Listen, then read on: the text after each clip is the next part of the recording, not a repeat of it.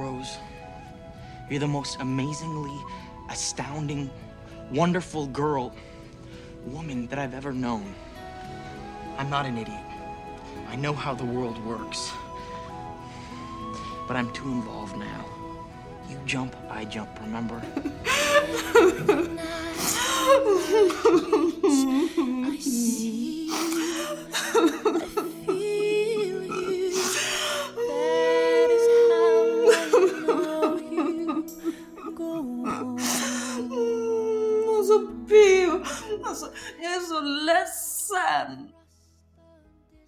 Men Silla min sköna böna, hur är det med dig? Han är för barlig. Alltså vi måste begrava honom Pio.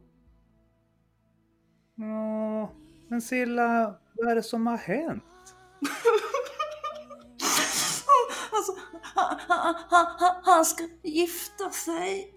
Alltså han har köpt hus med sin tjej. Men åh, gumsan.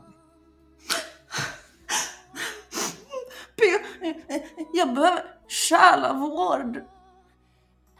Men du, det kan du få sen. För först ska jag baka kakor åt dig Silla. Pio, jag är ingen kaktjej. Jag är en proteinglass och lintkulor-tjej. Men Silla, både frysen och skafferiet är tomt. Men jag kan baka kakor åt dig. Seriöst Silla, tänk en värld där det inte fanns några kakor man kunde bli glad av. För mig och Martin Hårsmar är det här seriösa och viktiga frågor. Som vi en gång tog hela vägen upp till skolstyrelsenivå på Örebro teologiska högskola. Man blir alltid glad av ett par goda kakor. Alltså, ni två är ju galna. Men alltså, jag är fortfarande ingen kaktjej. Sure, du är mer ett kex. Vadå kex? Tjena kexet. Står du här och smular? Bill, din kakmupp!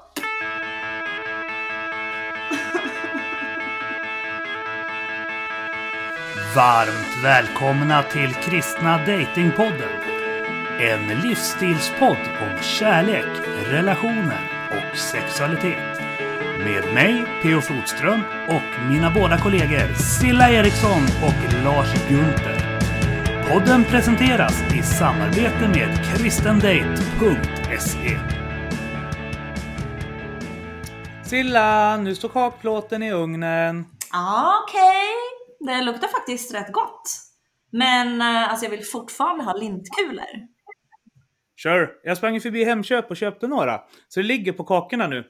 Jag hittade dessutom en burk salted caramel proteinglass som jag tänkte vi kan äta till kakorna sen.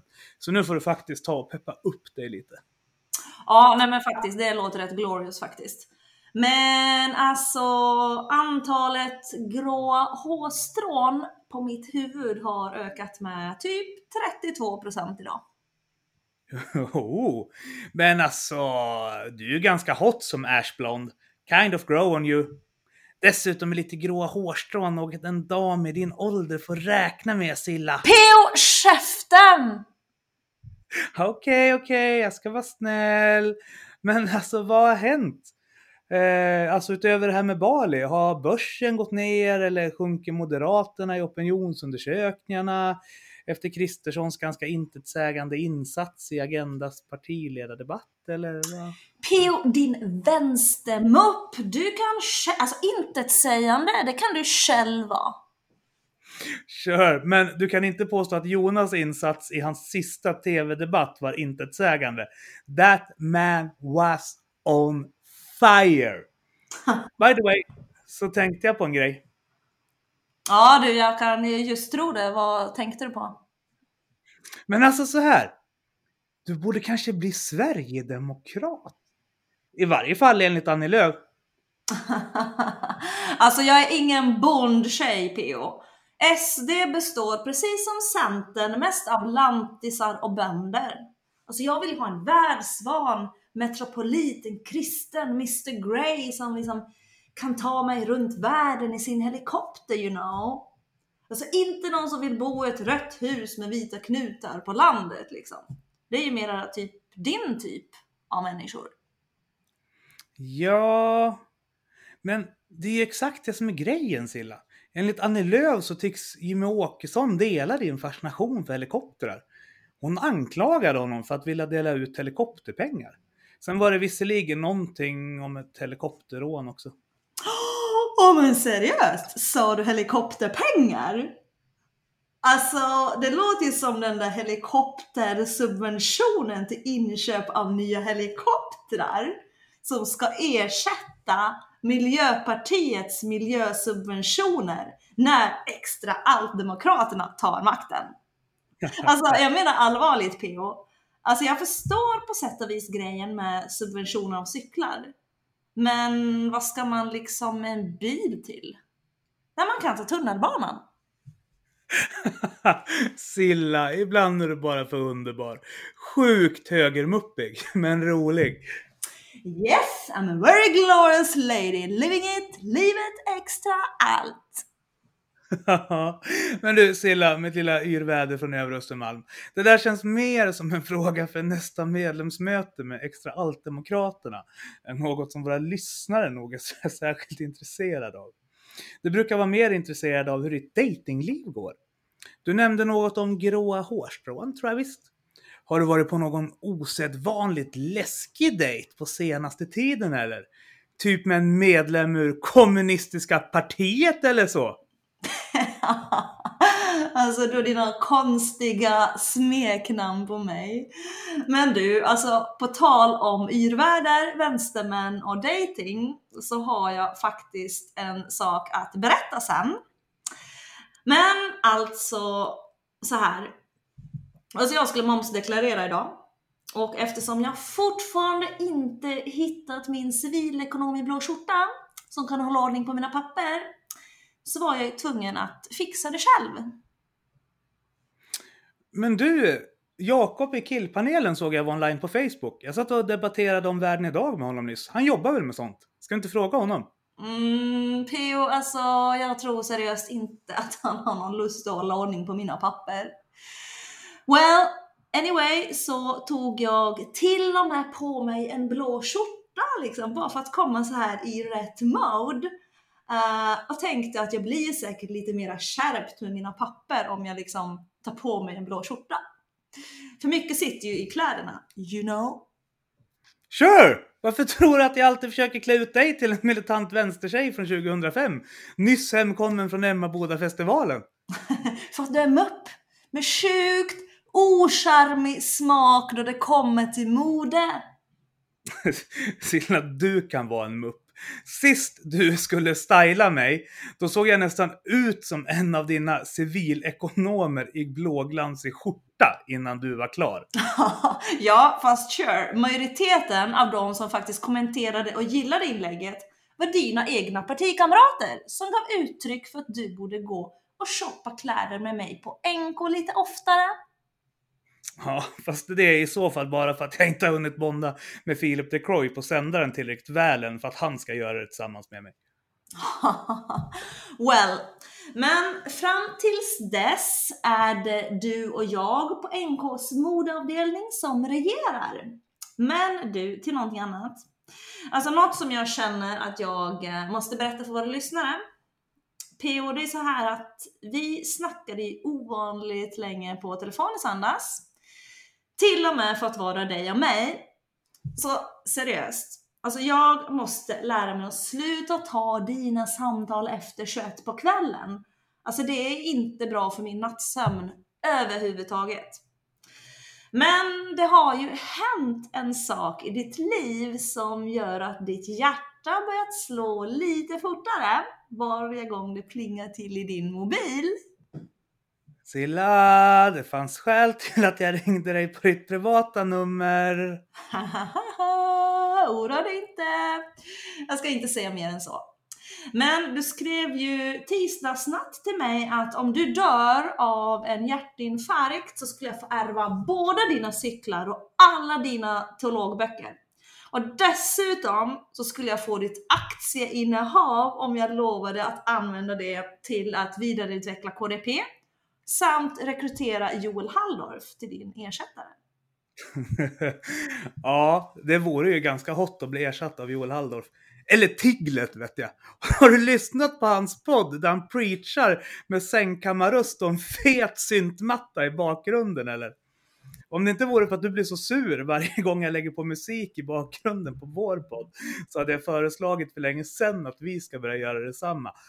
Sjukt hot! Nej PO, det är sjukt ohot! Glöm det har jag sagt! Ja, ja, jag är inte död än. Men Halldorf eller Tiglet vore helt awesome som min ersättare. By the way, om du dör så vill jag ha din rosa preachy bible. Okej, lugnt PO. Men jag kommer överleva dig ska du se. Alltså jag äter och tränar exemplariskt.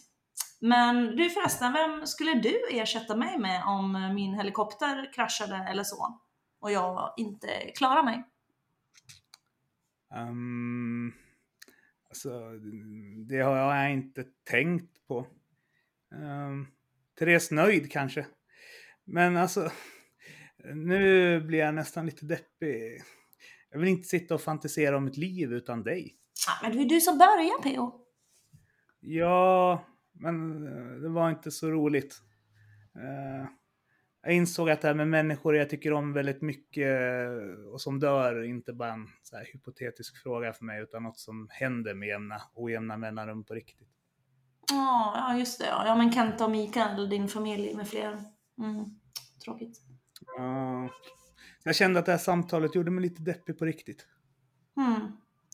Men alltså jag tänker inte dö på många år så du vet. Så jag tror faktiskt det är bäst att du skaffar dig en egen Pinky Preaching Bible. Ja, jag antar det. Men du PO, ska vi inte lyssna på veckans låt istället då? Alltså det känns som att du behöver starta om. Du, Per Axelsson som jobbar som pastor i Manuelkyrkan i Örebro. Jag lyssnade på några av hans låtar här om veckan och han verkar vara riktigt vänstermupp PO, precis som du. Låter som någon slags svensk motsvarighet till den där halvkommunisten Bruce Springsteen som du brukar lyssna på. det, det, låter ju riktigt intressant. Men pastorn på Emanuelkyrkan i Örebro, han heter Per Alexandersson, så vi kanske ska säga det till lyssnarna, inte Per Andersson. Men alltså, hur fick du kontakt med Per Alexandersson? Ja, men han lyssnar ju på vår podd. Oj! Lyssnar Per Alexandersson på vår podd? Shit vad kul! ja, du låter ju redan lite mera pepp igen. Hur som helst, eh, den här sången vi ska lyssna på så heter Töckfors Tor. Skrev han till återträffen med sin grundskoleklass. Han lirar dessutom med din nya idol Mats Dernand. Oh! Det är han som sjunger lika bra som Frank Ådahl och har skickat oss en julsång sen till våra julavsnitt. ja, du brukar ju påstå det. Men Per i alla fall, han har skrivit en låt eh, om sin uppväxt i Töcksfors. Idyllen han växte upp på, ute på landet, i en kommun med ett par tusen invånare, med kyrkan mitt i byn och industrin som alla gick för att jobba på affären där alla kände varandra. Precis som det, jag vuxit upp i, Nykarleby ungefär, så en liten idyll ute på landet.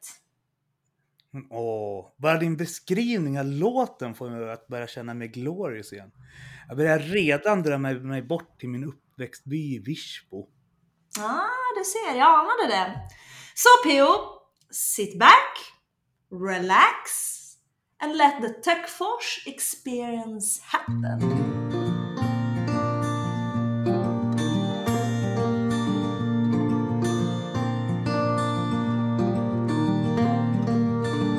Allting var på lek i början, allvaret var något för bara vuxna. På TV pratade de om Aldo Moro, om kärnkraft och Björn Borg. Somrarna var varma evigheter fast kalla krig var frusna. Korta nätter som blev ännu kortare med Radio Luxemburg. Inom mig så lever alla åldrar ifrån 7 till 46.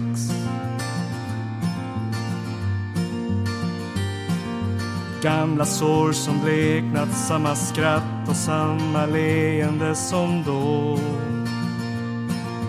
Varje gång jag hör You're in the army now så är det något som väcks. Kanske tiderna var gyllene men på rasten rådde alltid status quo. Men jag är samma nu som då Bara lite mera grå jag bytte plats och lämnade men platsen kunde inte lämna mig. Jag hittade nya vänner men jag kunde inte riktigt glömma dig. Det fanns så mycket som jag hade velat säga om du bara var min.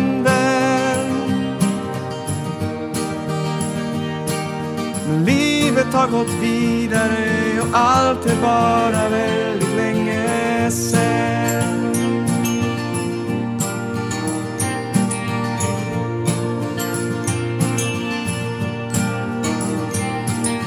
Minns du hur vi trodde att vi aldrig skulle glömma men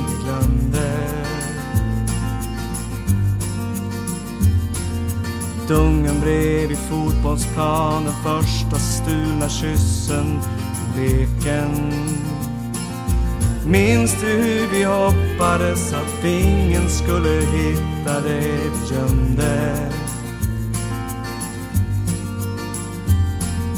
Ensamheten, hemligheten bakom alla orden, alla sveken. Men är vi samma nu som då? Bara åren som lagts på.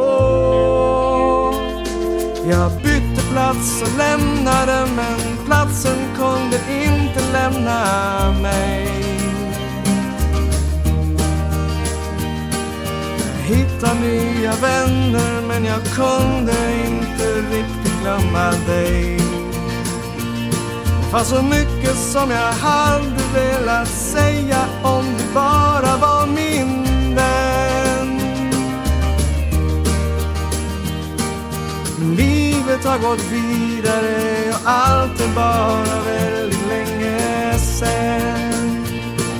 Jag bytte plats och lämnade men platsen kunde inte lämna mig. Hitta nya vänner men jag kunde inte riktigt glömma dig. Det var så mycket som jag hade velat säga om du bara var min vän. Men livet har gått vidare och allt är bara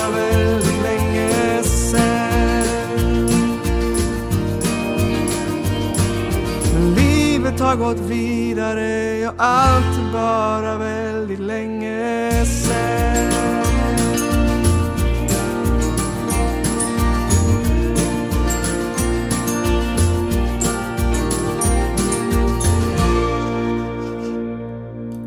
Men alltså Silla, wow! Vilken låt!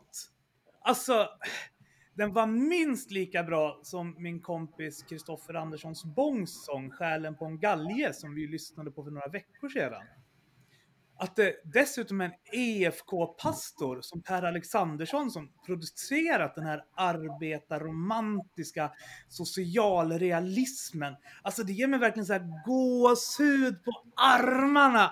Alltså verkligen Silla, hur bra och glorious som helst. Vad glad P.O. att du är gladare. Jag visste att du skulle gilla den.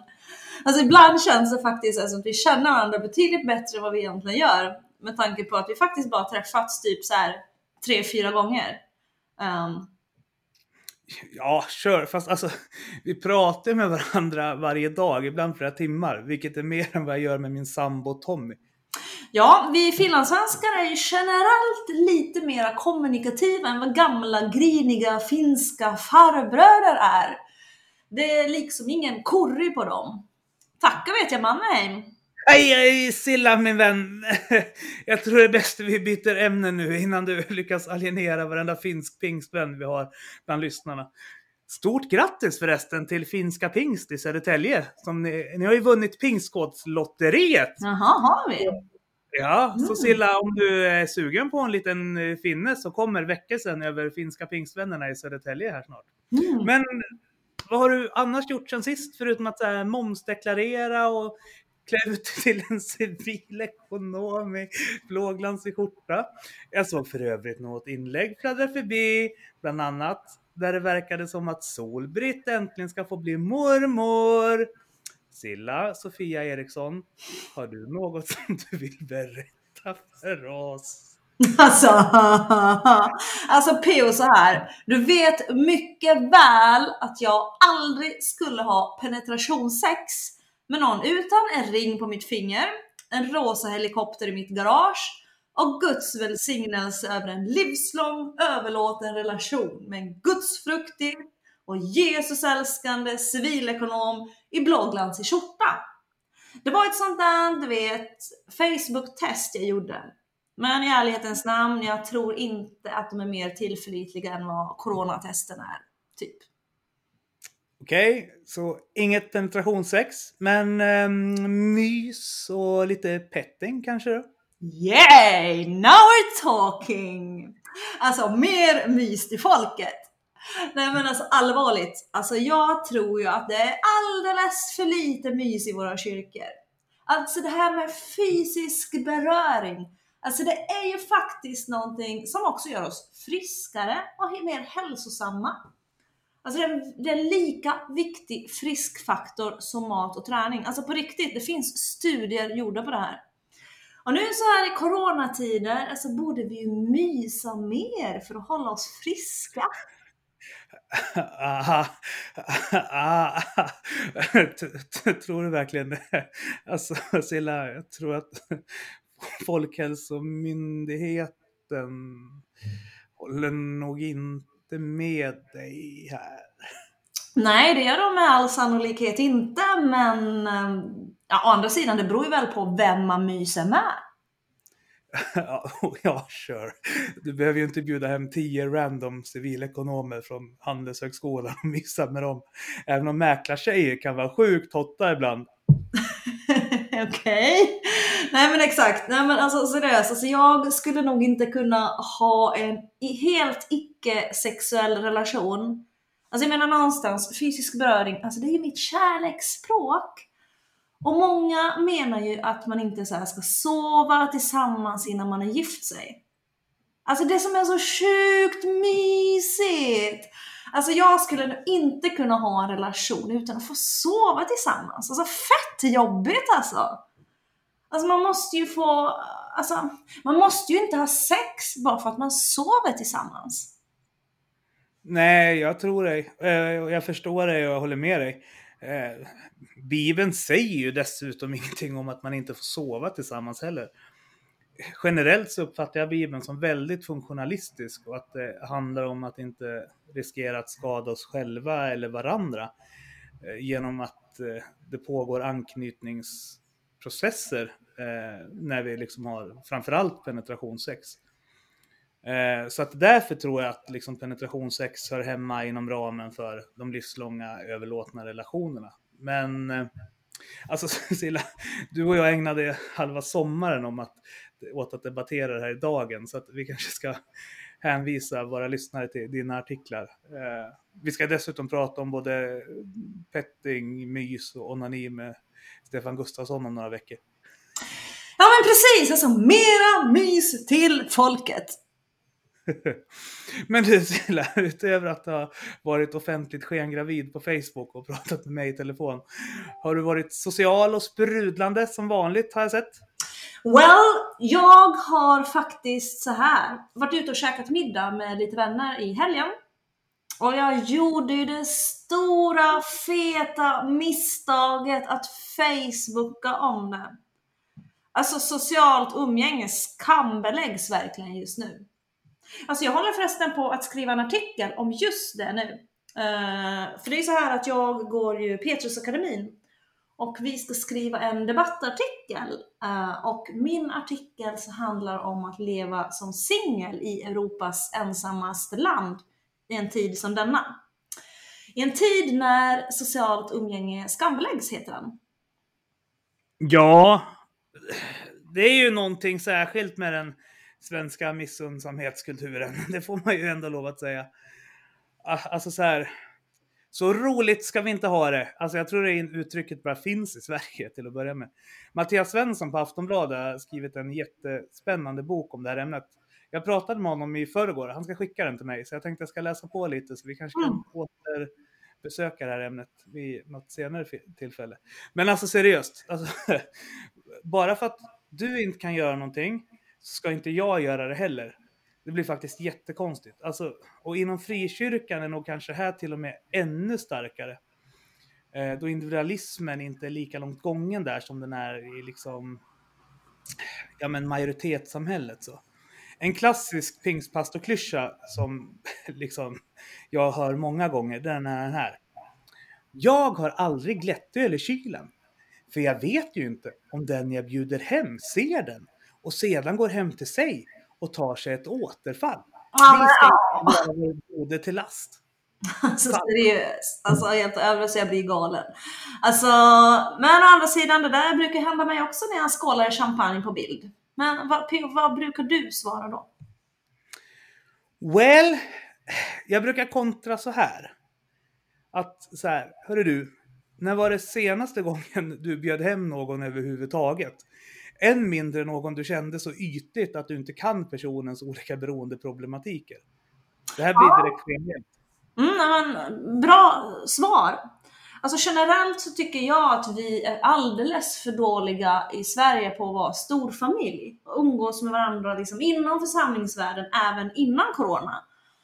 Alltså så är det ju inte alls i USA. Eh, där är människor generellt sett mycket mer öppna och liksom socialt interagerande och det är liksom en helt annan kultur av att liksom ta hand om varandra och det gillar jag skarpt. Alltså det är ett starkt argument till varför vi borde närma oss USA när det kommer till privatisering och eh, sänkta skatter. Eh, det skulle faktiskt göra att vi närmade oss varandra på ett helt annat sätt. Mm, det skulle även innebära att kvinnor som blir misshandlade av sina män måste stanna i destruktiva relationer på grund av att det inte finns någon välfärdsstat som gör att de kan lämna de relationerna. Men strunt samma. Eh, jag diskuterade med en väldigt klok person för några dagar sedan eh, om att det blir smått absurt om alla vi som lever själva får ha noll sociala kontakter hela november samtidigt som skolor och stora köpcentrum håller öppet som vanligt. Eh, Men hon menade också att det i någon mån kanske är det här svenska sättet som inte är fullt ut tvingande som öppnar upp för de här reaktionerna med social shaming mellan privatpersoner. Eh, Jag menar, när vi som människor och offentliga myndigheter och affärsverksamheter håller på att tolka det olika så blir det väldigt så här ah, ah, det är svårt. Ska man gasa eller bromsa och liksom hur allvarligt är det egentligen? Ja, alltså är det någonting som jag personligen kan störa mig på så är det när saker inte är konsekventa. Alltså jag menar, de personerna som ingår i en familjekonstellation, de har ju helt andra förutsättningar liksom att isolera sig än vad vi har. Men vi som är singlar, vi som lever ensamma, det, alltså, allt det här med corona, det slår ju så otroligt mycket hårdare mot oss. Alltså jag tycker så här. Alltså är du frisk och stark, ta ditt ansvar och bidra till den lokala ekonomin där du bor. Alltså bor du ensam, ta ditt ansvar, bjud hem friska människor på middag eller stötta den lokala restaurangen där du bor. Men är du en riskgrupp, ta ditt ansvar, stanna hemma. Alltså vi behöver liksom ta hand om både vårt näringsliv och vi behöver ta hand om varandra en tid som den här. Alltså vi måste liksom fortsätta umgås, fortsätta prata med varandra, fortsätta se varandra i ögonen. Men vi måste också göra det med ett gott omdöme och stor försiktighet. Absolut. Ja, och jag håller med dig helt där Silla, på grund av att den psykiska ohälsan som kan bli en konsekvens av isoleringen i världens mest ensammaste land eh, blir troligtvis värre än eh, konsekvenserna av corona. och Så. Men alltså fine, jag, alltså, jag fattar det andra perspektivet också. Att vi ska visa omsorg för varandra, och vara solidariska mot de olika riskgrupperna. Men som du säger, alltså så här, vi människor lever i väldigt olika livssituationer. Ta dig och mig till exempel. Alltså så här, vi är båda extremt extroverta och utåtagerande singelpersoner som blir helt tokiga utan social stimulans. Alltså hade inte Zoom och Messengers videochattfunktion och liksom Skype funnits hade jag blivit tokig vid det här laget. Ja, vare sig Zoom eller videochattar kan liksom ersätta det mänskliga mötet med människor. Det är så, så viktigt för oss, verkligen. Nej men precis P.O. jag har ju inte ens en grinig finsk farbror i min källare. alltså det, det, är lugnt, du, du, kan få låna honom om du vill. Den här veckan har han dessutom varit sjuk och därmed mer grinig än vanligt. Hmm, är han civilekonom? Har han blåglansiga skjortor och en helikopter kanske? Ah, han är mattelärare och har en polmagg och en söt liten hund som heter Marley. Ja, typiskt. Nej, du, du får behålla honom PO. Fast i och för sig, din kompis Samuel, alltså han är ju tjuvtott. Han var väl också lärare? Idrottslärare till och med va? Ja, och mätingenjör. Så jag tror att det nog kanske mer var den där sista delen som du gick i baklås på. ja, och blåglansig skjorta. Uh, men alltså seriöst PO, alltså, jag tror att min uh, biologiska klocka har börjat ticka här. Alltså, jag ser typ blåglansiga skjortor överallt just nu. Alltså sjukt frustrerande. alltså Silla, uh, kommer du ihåg vad jag sa i vårt sista avsnitt av Silla Bride to be 2020? nej, vadå? Alltså det där har jag nog förträngt. blev mest sjukt stressad Okej okay, Silla, vet du vad jag tycker vi ska göra nu i så fall? Jag tycker vi ska lyssna på en liten kort recap av när jag och Alf B Svensson datingcoachade dig senast. Nej, ja, well, om vi måste... Hmm. det blir ju skoj ju! Nej, alltså jag, jag tror det inte. Vad ska jag ha på mig? Vad ska vi bjuda gästerna på? Vart ska vi vara? Men åh, vem ska jag gifta mig med? Ska Silla klara utmaningen?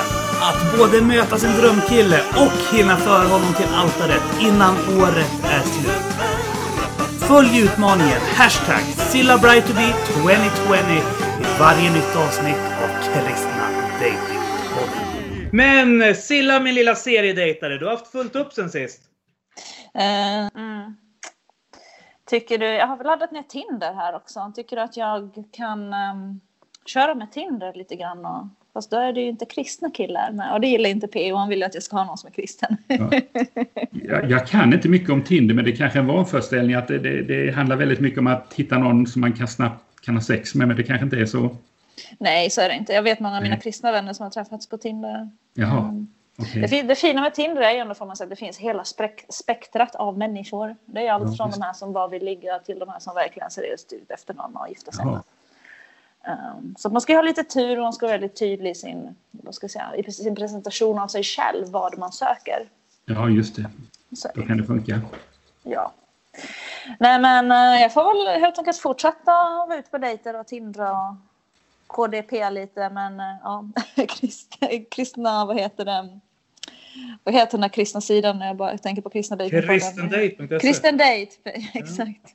Den Men Silla, jag har en utmaning till dig. Jag, jag, tycker du ska, jag tycker du ska dejta i tv igen. Ska jag dejta? Nej, PO. Jo, men det gick ju skitbra senast. Eller vad Ja, det gjorde det ju verkligen inte. Ja, nu, nu, nu är gränsen nådd här. Nu tycker jag att vi säger hej då här. Yes, men det var veckans avsnitt av Silla Bride to be.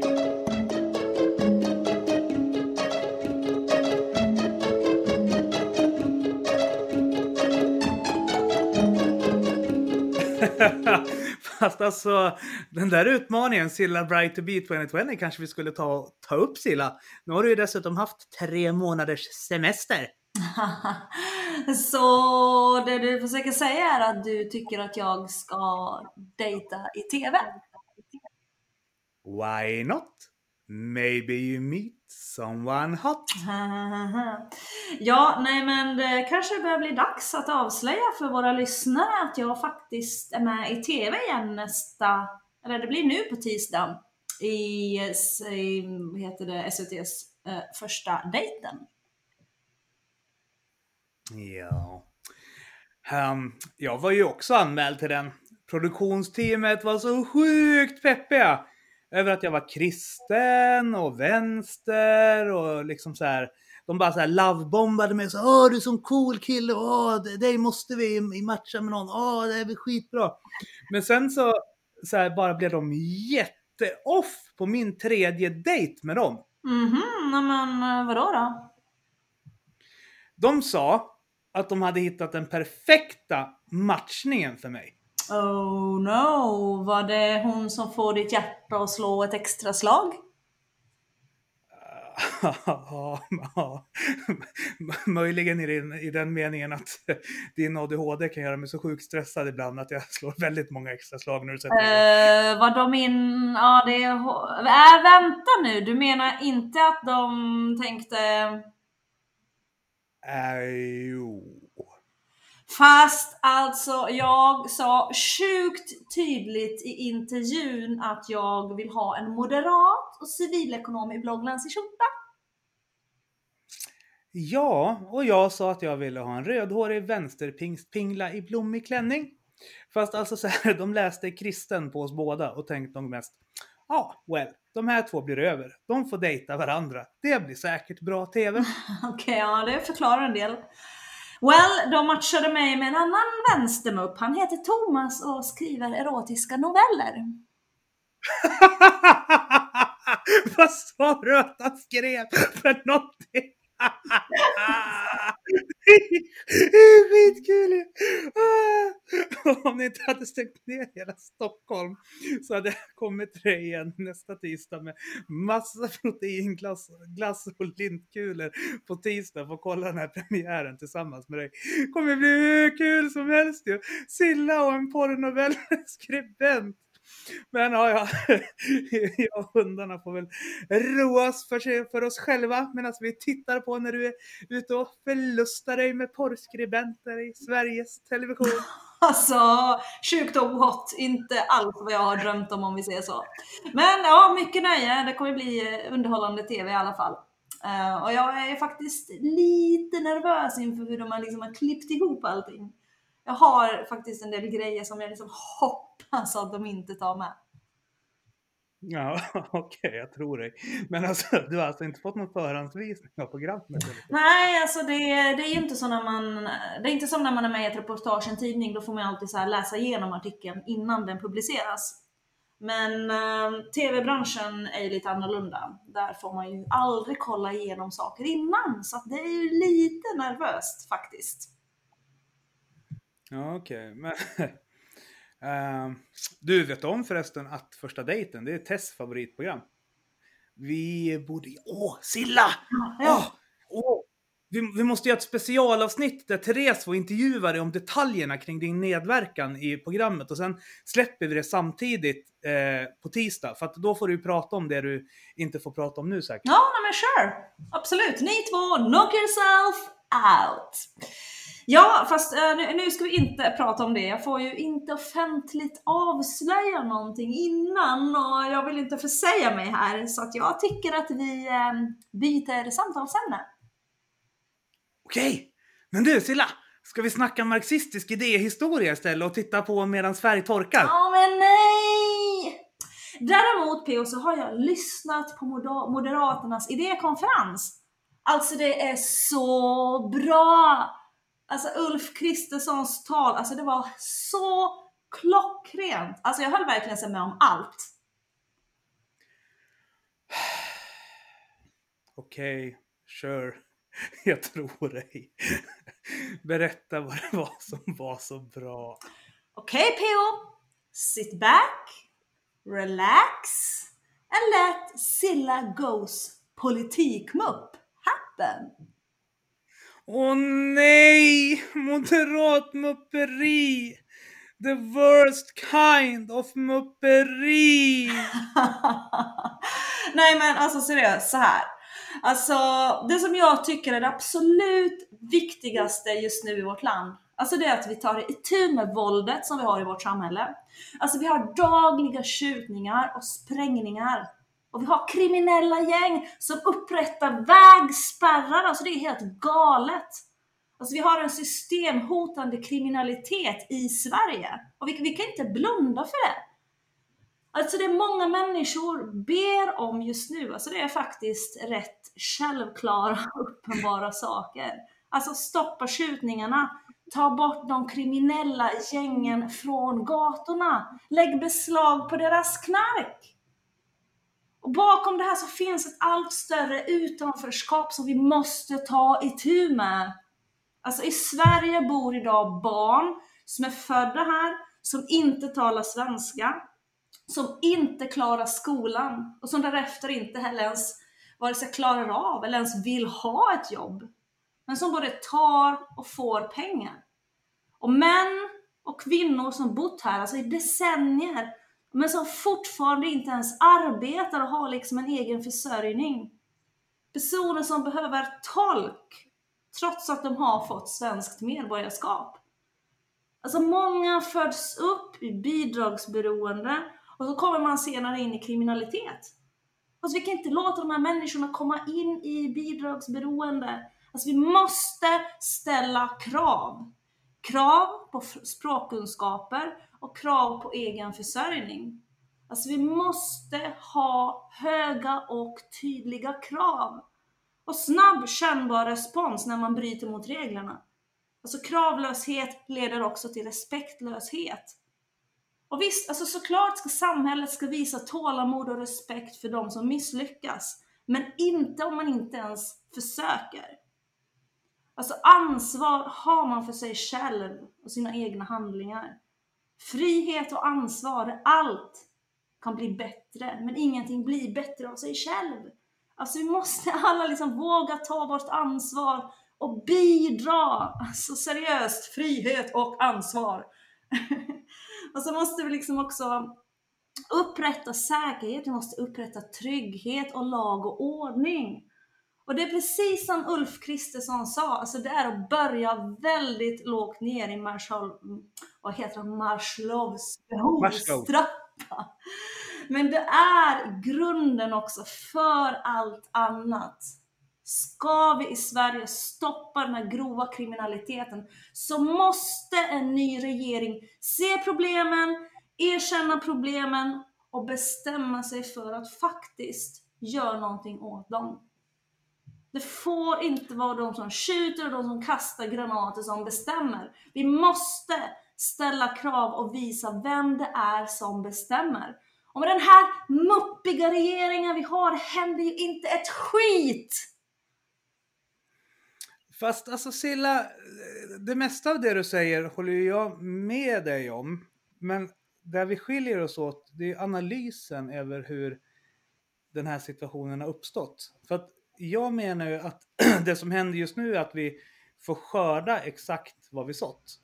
Efter år av avregleringar och ökad ojämställdhet samtidigt som vi velat mer än vad vi haft kapacitet för på migrationsområdet. och att det tillsammans har bidragit till att skapa den här situationen. Den socialistiska slash socialdemokratiska vägen har alltid varit att hålla välfärdsstaten i trim samtidigt som vi anpassar vårt mottagande efter bostads och arbetsmarknaden. Vi har just nu en arbetsmarknad som skriker efter kvalificerad arbetskraft inom inte minst välfärden. Men på grund av att lönerna och personaltätheten aldrig tillåtits återhämta sig efter 90-talskrisen så befinner sig flera tusentals lärare i förskingringen. Alltså seriöst, hela lärarkrisen skulle kunna varit löst ifall vi hade jobbat med att höja lönerna i skolan och säkerställa att Sveriges lärare hade en bättre arbetsmiljö. Och lärarna fyller dessutom en helt kritisk roll för om vi ska klara av integrationsutmaningen och kompetensförsörja välfärdssektorn under de kommande åren. Om vi löser skolan och arbetsmarknaden, då löser sig samtidigt problemet med kriminaliteten. Tror jag i alla fall. Ja, men jag är beredd att hålla med dig P.O. i väldigt mycket av det du säger. Men problemet är ju också att det är inte så många som skriker efter analfabeter från Afrika. Vi har väldigt många som inte kan läsa och skriva i Sverige, för det finns inte jättemycket jobb för dem. Sen håller jag helt med om att skolan är jätte, jätteviktig. Det är där man någonstans får grunden för allting i livet. Och jag tror verkligen att det är jätte, jätteviktig sak i Sverige är att vi satsar mer på skolan. Och där kan jag verkligen rekommendera att kom på ett studiebesök till Finland, för där är det ordning och reda. Ja, på grund av att ni har lärare som kan göra de här analfabeterna till personer som klarar av att läsa en yrkesutbildning och genom det fylla en funktion i ett modernt industriland. Och sen, jag kommer gärna till Finland Silla. Ni har ju en socialdemokratisk statsminister där också, Sanna Marin. sure. Men du, nu vill jag äta upp de där kakorna P.O. som du stoppade in i ugnen. Du sa ju nyss att du inte var någon kaktjej. Sure, men uh, du stoppar ju lintkulor på dem och man är ju inte sämre än att man faktiskt kan ändra sig. Men jag hoppas ni lyssnar på ett specialavsnitt på tisdag och kollar in när jag går på första dejten. Jag tycker det ska bli så spännande att kolla på det här. Men eh, nu så ska vi käka kakor så vi vill bara önska alla våra lyssnare en riktigt stor puss och och kram! Hjärtligt tack för att ni har lyssnat på Kristna Datingpodden. En livsstilspodd med Theo Flodström, Cela Eriksson och Lars Gunther. I samarbete med kristendate.se.